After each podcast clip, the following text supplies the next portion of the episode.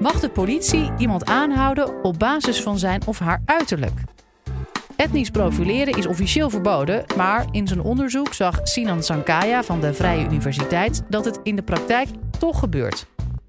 In deze podcast gaat hij dan ook in op de vraag: is het terecht als de politie etnisch profileert? Dit is de Universiteit van Nederland. In mei 2016 werd de rapper Typhoon door de politie aan een kant gezet. De politieagent vertelde Typhoon daarbij dat zijn profiel niet zou matchen bij het voertuig waar hij in reed. Oftewel, een jonge, donkere man in een groot voertuig. Het gaat overigens om dit voertuig. Dit is een Mitsubishi Outlander, een hybride. Het is een uh, duurzame, ecologisch verantwoorde gangster ben je dan wel. Um, politievakbond die twitterde eigenlijk vrij snel een artikel dat gretig werd gedeeld, uh, binnen de politieorganisatie ook, met de titel Typhoon in een glas water. En de strekking van het artikel was eigenlijk vooral dat migranten, etnische minderheden, ze zijn toch ook crimineler. Um, wel belangrijk voor dit verhaal is dat de individuele agent uh, erkende dat raciale stereotyperingen een rol speelden bij de overweging en dat ook de politie Oost-Nederland erkende dat het een rol heeft gespeeld. Mijn college gaat dus over etnisch profileren. Etnisch profileren is het niet objectiveerbare en onrechtvaardige gebruik van etnische, raciale en religieuze generalisaties en stereotypen door politieagenten. De hoofdvraag van mijn college is of etnisch profileren terecht is. En wat ik ga doen is jullie meenemen in hoe die beslissingen van agenten uitpakken en vervolgens stilstaan bij de gevolgen van deze praktijk. Maar eerst even context. Het is namelijk een misverstand om de verantwoordelijkheid van etnisch profileren te deponeren bij de individuele politieagent. Etnisch profileren is alledaags, routineus en structureel en vindt plaats binnen een bredere maatschappelijke, organisatorische en juridische context, die dus de beslissingen van die agenten in zekere zin voorstructureren. En een uh, belangrijke verschuiving in de strafrechtsketen is de verschuiving, zo noemt Mark Schuilenburg dat, van een straf naar een risicomentaliteit. Van een focus op individuen naar groepen, van een focus op verdachten in strafrechtelijke zin naar risicopopulaties. Dus een algemene zin van reactief naar proactief politiewerk. Je moet het zo zien dat uh, traditioneel de politieorganisatie een melding kreeg, naar de melding ging, de brand bluste en vervolgens op de volgende melding wachtte. Maar de proactieve politieorganisatie die probeert dus vroegtijdig in te grijpen. Er eigenlijk te zijn nog voor de brand. Proactief politiewerk gaat dus eigenlijk om het vage tussengebied van handhaving en opsporing. En je moet hierbij denken aan voertuigcontroles, ID-controles en ook preventief fouilleeracties. En belangrijk daarbij is dat het niet gaat om een signalement. Doorgaans is er bij proactief politiewerk geen concreet signalement. De agent die, en zoals ze dat zelf omschrijven, die creëren eigenlijk hun eigen werk en controleren dus zelf op eigen initiatief burgers. Nou, hoe heb ik dit alles onderzocht? Ik heb dus achterin in een politieauto gezeten en ben met agenten meegegaan, op pad gegaan. En ik heb meegeluisterd naar de gesprekken die ze voerden en de mensen die ze controleerden en aan de kant zetten. Um, om dus eigenlijk vanuit de ogen van de agenten naar de omgeving te kunnen kijken. Bij mijn onderzoek onderscheid ik twee selectieprocedures of twee selectiemechanismen. En de eerste is de agent als een Waar is Wally? Zoeker. Waar is Wally is een zoekboek van A3-formaat. En de bedoeling is dus dat je Wally vindt. En Wally ziet er eigenlijk altijd op dezelfde manier uit. Rood-wit uh, uh, gestreepte trui, blauw broek, wandelstok. En mijn argument is eigenlijk dat de politieagenten, overigens, de politieliteratuur heeft een iets volwassenere omschrijving hiervoor, rounding up the usual suspects. En mijn argument is dus dat de politieagent op vergelijkbare wijze werkt. Agenten hebben archetypische, gestolde en decontextuele beelden in hun hoofd van hoe de boef, de crimineel, eruit ziet. En dit is het resultaat van algemene informatie. Het zijn eigenlijk vooroordelen. Het is het resultaat van vaak verouderde politieinformatie en verouderde politiecijfers. Maar het gaat dus ook zeker om eerdere ervaringen. Maar belangrijk, weer een reminder, is dus dat doorgaans op het moment zelf er vaak geen sprake is van een verdachte gedraging. Um, agenten die zoeken dus naar de wallies die zij in hun hoofd hebben. En belangrijk hierbij is dus dat die oordelen van het lichaam, die zijn niet neutraal. Agenten hebben dus positieve en negatieve oordelen over burgers. Het tweede perspectief is de agent als een verschillenzoeker. En dat mechanisme dat, dat gaat er eigenlijk om dat de politieagent voortdurend de omgeving scant. Ehm, interpreteert, ordent, categoriseert, van betekenis voorziet. En dat daar hetgeen wat afwijkt van het normale, en dat hangt eigenlijk altijd af van een specifieke wijk of buurt, dat trekt dan de aandacht van de agent. En ik wil eventjes laten zien hoe dat uitpakt door een kort filmpje te tonen. Mohamed en Wesley zijn liefhebbers van wandelen en architectuur. Maar als afgelopen zondag door de Haagse wijk Wateringse Veld aan het lopen zijn, worden ze door de politie aangezien voor inbrekers.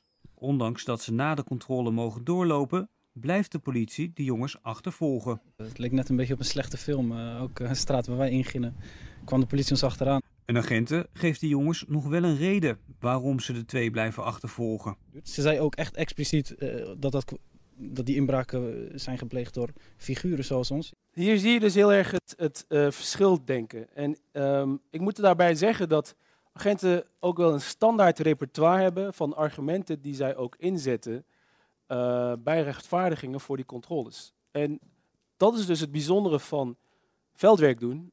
Dus achterin in die auto zitten, is dus dat je de dis discrepantie kunt waarnemen. Dus aan de ene kant de publieke façade um, en eigenlijk de impressiemanagement naar de burger toe. En wat agenten vervolgens zelf zeggen als ze in die auto zitten. Je ziet hier heel erg uh, dit, dit principe, dat, dat hebben wij voortdurend opgemerkt tijdens het onderzoek. Um, en dan met name als jongeren met een migrantenherkomst, met, met van andere etnische herkomst, zich bevonden in witte en vermogende wijken. Agenten die hebben eigenlijk hele common sense redeneringen en zeggen dan dat past niet, dat hoort niet, wat doen jullie hier? En dat trekt dus de aandacht en dan spreken ze die jongeren aan. En belangrijk hierbij is dat wij dit mechanisme ook hebben uh, getoetst, of we hebben het in ieder geval proberen te onderzoeken in etnisch heterogene wijken. Dus in wijken waar veel etnische minderheden wonen. Want de belofte, in ieder geval de hypothese zou dan zijn, dat witte Nederlanders zouden opvallen op grond van dat verschildenken. Daar was absoluut geen sprake van, want in de etnisch heterogene wijken switchten agenten weer over naar een demografische redenering en zeiden ze, ja maar kijk eens om je heen. Wie moeten wij hier controleren? Hier wonen alleen maar migranten. Dus effectief komt het erop neer dat een Marokkaans-Nederlandse jonge man de kans heeft om gecontroleerd te worden in de wijken waar ze niet wonen, als ook in de wijken waar ze wel wonen. En ik heb deze selectiemechanisme een ruimtelijke ordeningspolitiek genoemd. En wat ik daarmee bedoel is dat agenten eigenlijk ingrijpen op de mobiliteit van burgers, door ze telkens aan te spreken. En die uitsluiting die is niet absoluut, maar hebben wel effecten op het zelfbeeld van mensen, waar sommige categorieën van burgers zich dus wel en niet zouden mogen bevinden in de publieke ruimte. En er zijn verschillen, maar agenten die maken dus verschillen. En het is niet alleen dat ze verschillen maken, ze geven ook positieve en negatieve betekenissen aan die verschillen. Waarbij een wit lichaam eerder wordt geassocieerd met een goede burger in tegenstelling tot een bruin en een zwart lichaam, wat dus een risicovol of in ieder geval een slechte burger zou zijn. Nou, hoe kunnen we het voorgaande beoordelen? En wat mij betreft zijn daarbij twee vragen relevant. Is het deugdzaam? Doet het deugd? En is het effectief? En ik begin bij de eerste vraag.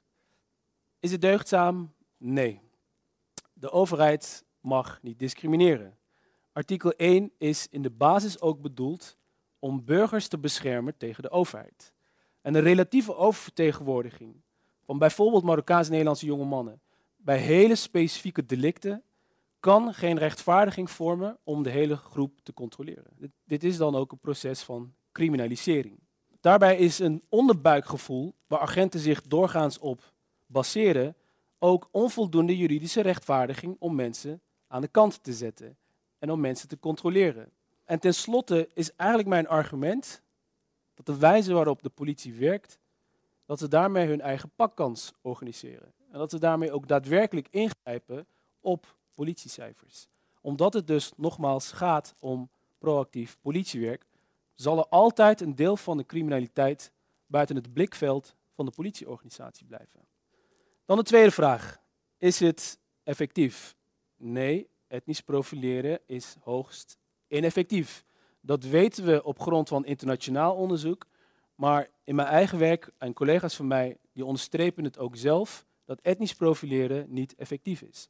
In repressieve zin draagt het nauwelijks bij tot een noemenswaardig aantal aanhoudingen. En de reden hiervoor is ook niet zo vreemd. Waarom? Omdat het dus doorgaans onderbuikcontroles zijn, zijn er dus onvoldoende juridische gronden om mensen daadwerkelijk te arresteren. Om die reden noem ik etnisch profileren dan ook lui politiewerk. En ik vind dat de politie dan ook beter haar werk moet doen. En het vissen met zo'n groot net leidt er ook toe dat er een heleboel onschuldige burgers worden gecontroleerd. En dat heeft ook allerlei effecten. En of het nou bestaand is of vermeend, reëel of verbeeld, het doet er feitelijk ook niet toe, omdat die controles effecten hebben op het zelfbeeld van burgers. En etnisch profileren raakt om die reden ook echt de kern van onze rechtsstaat. Het rechtsgevoel van burgers en de legitimiteit ook van onze uh, politieke instituties. En ik wil een kort uh, filmpje laten zien waar een jongere ook spreekt over dat gevoel. Als je wordt aangehouden en onschuldig bent, dan, dan voel je je niet thuis bij de politie. En dan loop je liever een, een blokje om als je ze ziet, want je denkt van, oh, krijgen we weer die confrontatie, die wil ik niet. Dat is een kwalijke zaak. Uh, de politie is er voor de veiligheid van ons allemaal. Dat geldt dus ook voor de niet-witte burger. En, en die voelt zich niet veilig. En dat is niet goed. De opbrengsten zijn minimaal. En de schade is groot. De vraag is dan ook waarom de politieorganisatie op deze manier blijft werken. Ik denk dat dit ook teruggrijpt naar het, het bestaan van de politieorganisatie. Waarbij het niet alleen gaat om boeven vangen. En ook niet alleen om de handhaving van de openbare orde maar dat de politieorganisatie in zekere zin ook statusverschillen in de samenleving bewaakt, surveilleert, monitort en controleert. Waarbij het gaat om zij die er wel bij horen en zij die er niet bij horen. Mij wordt dan heel vaak gevraagd, ja maar wat moeten we dan? Moeten we oma's gaan controleren? Nee, we hoeven ook geen oma's te controleren. En het is ook een vals dilemma. Er zijn namelijk handelingsalternatieven. En ik wil zelf twee suggesties uh, noemen. De eerste is focus op verdacht gedrag. Een agent zou moeten kunnen motiveren waarom burgers worden gecontroleerd. En een tweede is een reflectie, of in ieder geval het beperken van de beslissingsruimte van politieagenten. Want op dit moment, door verruimde controlebevoegdheden, worden agenten eigenlijk nauwelijks beperkt in uh, het kunnen aanspreken en kunnen controleren van burgers. Idealiter heeft elke burger in eh, gelijke mate recht op veiligheid. En idealiter heeft elke burger ook in gelijke mate recht op bescherming van de politieorganisatie. En iedere burger die zou eigenlijk moeten kunnen zeggen, dat is ook mijn politieorganisatie. Dat de politie er daadwerkelijk voor een ieder is. Ik denk dat we dan ook genoodzaakt zijn om na te denken over alternatieven voor etnisch profileren. En die zijn er. En dan even teruggrijpen naar mijn hoofdvraag. Is etnisch profileren terecht? Nee.